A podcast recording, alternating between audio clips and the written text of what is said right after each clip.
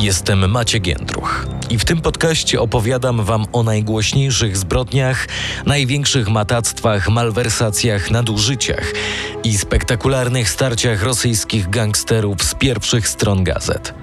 Ale nie tylko. Dzisiaj przyjrzę się temu, co na temat współpracy Putina i mafii piszą rosyjskojęzyczne media. Zapraszam. Ruska mafia w RMFFM. Między mafią i KGB. Młody Putin w Petersburgu. 16 maja 1992 roku Leningrad przemianowano na Petersburg. Praca Władimira Putina w merostwie Leningradu, a później Petersburga trwała od 1990 do 1996 roku. Tym okresie Władimir Putin zajmował następujące stanowiska. Przez rok był doradcą przewodniczącego Rady Miasta Leningradu Anatolija Sobczaka. Później przez rok zajmował stanowiska przewodniczącego Komisji Stosunków Zewnętrznych. Przez kolejne dwa lata zaczął dodatkowo pełnić funkcję zastępcy mera Sankt Petersburga. W sierpniu 1996 roku po klęsce Sobczaka w wyborach na gubernatora Petersburga 3 lipca 1996 roku Putin złożył rezygnację i przeszedł do pracy w administracji prezydenta Federacji Rosyjskiej. Czas jego pracy w merostwie przypadał na lata świetności działającej w dawnej stolicy Rosji mafii tambowskiej, grupy przestępczej założonej przez Władimira Kumarina. O tym, jak to się zaczęło, opowiedział mi Zbigniew Parafianowicz, dziennikarz, autor reportaży, znawca mechanizmów działających w Rosji. No, tak się zaczęło, że z Tambowa do miasta nad Newą przyjechał Kumarin i wraz z dwoma przyjaciółmi założył po prostu grupę przestępczą, e, w, która mm, zajmowała się jakimiś prostymi wymuszeniami, w, przejęciami majątku, w, w jakąś płatną ochroną, e, takie no, dość prymitywne formy przestępczości, które gdzieś tam z czasem zaczęły ewoluować. E, oczywiście też w tym Sankt Petersburgu e, czy też Leningradzie wszedł w konflikt z grupą Małyszewa, co zresztą też jest taką normą, jeśli chodzi o lata 90. i kształtowanie się grup przestępczych. One rywalizowały o wpływy, prowadziły wojny między sobą i ta pierwsza połowa lat 90. no to są właśnie wojny z, z gangiem Małyszewa, krótkotrwałe jakieś sojusze z, z tą grupą przestępczą, też z grupą przestępczą skazania, która próbowała e, zakorzenić się w, w Petersburgu i rozwinąć skrzydła. E, także tak wyglądała ta połowa lat 90. No i tu też ważny moment to jest e, nawiązanie kontaktów z Radą Miejską Petersburga. Wówczas Petersburgiem rządził Sobczak, czyli protektor i, i taki kurator kariery przyszłego prezydenta Rosji Władimira Putina. I tutaj Władimir Putin jest takim początkiem rozwinięcia skrzydeł przez grupę tambowską. Putin po ukończeniu studiów rozpoczął pracę w KGB jako oficer operacyjny. W latach 1995-1990 służył na terytorium Niemieckiej Republiki Demokratycznej, gdzie miał zajmować się werbowaniem tajnych współpracowników. To wszystko zostało opisane na rosyjskojęzycznym portalu Kampramat. Po powrocie z Drezna do Petersburga Putin rozpoczął pracę w merostwie. W tym czasie Petersburg był jednym z najważniejszych miast w Rosji, a Anatolij Sobczak był jednym z liderów ruchu demokratycznego w kraju. Putin szybko zyskał zaufanie Sobczaka i został mianowany na stanowisko przewodniczącego Komitetu do Spraw Międzynarodowych i Zagranicznych współpracy w merostwie Petersburga. W ramach swojej pracy na tym stanowisku Putin zajmował się organizacją międzynarodowych projektów, pozyskiwaniem inwestycji zagranicznych oraz współpracą z miastami partnerskimi Petersburga.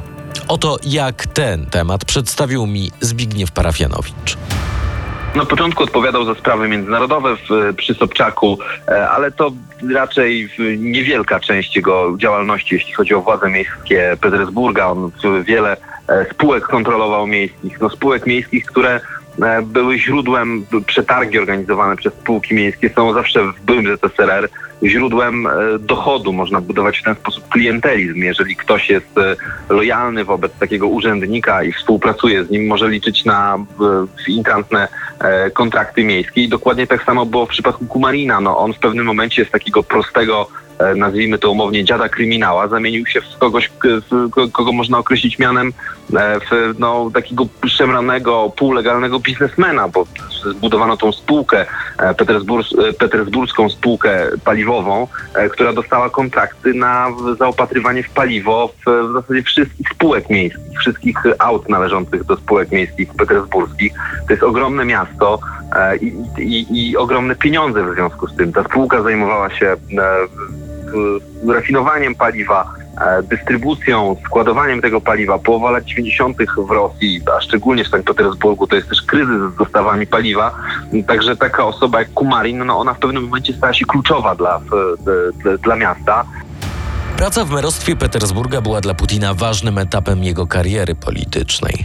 Ciągu tych lat zyskał doświadczenie w zarządzaniu miastem oraz nawiązał kontakty, które później okazały się przydatne w jego dalszej karierze. Krystyna Kurcza-Bredlik w swojej książce pod tytułem Wowa Wołodia Władimir – Tajemnice Rosji Putina w podrozdziale zatytułowanym Sobczak napisała Jeszcze chwila i zacznie się nieprawdopodobny spektakl.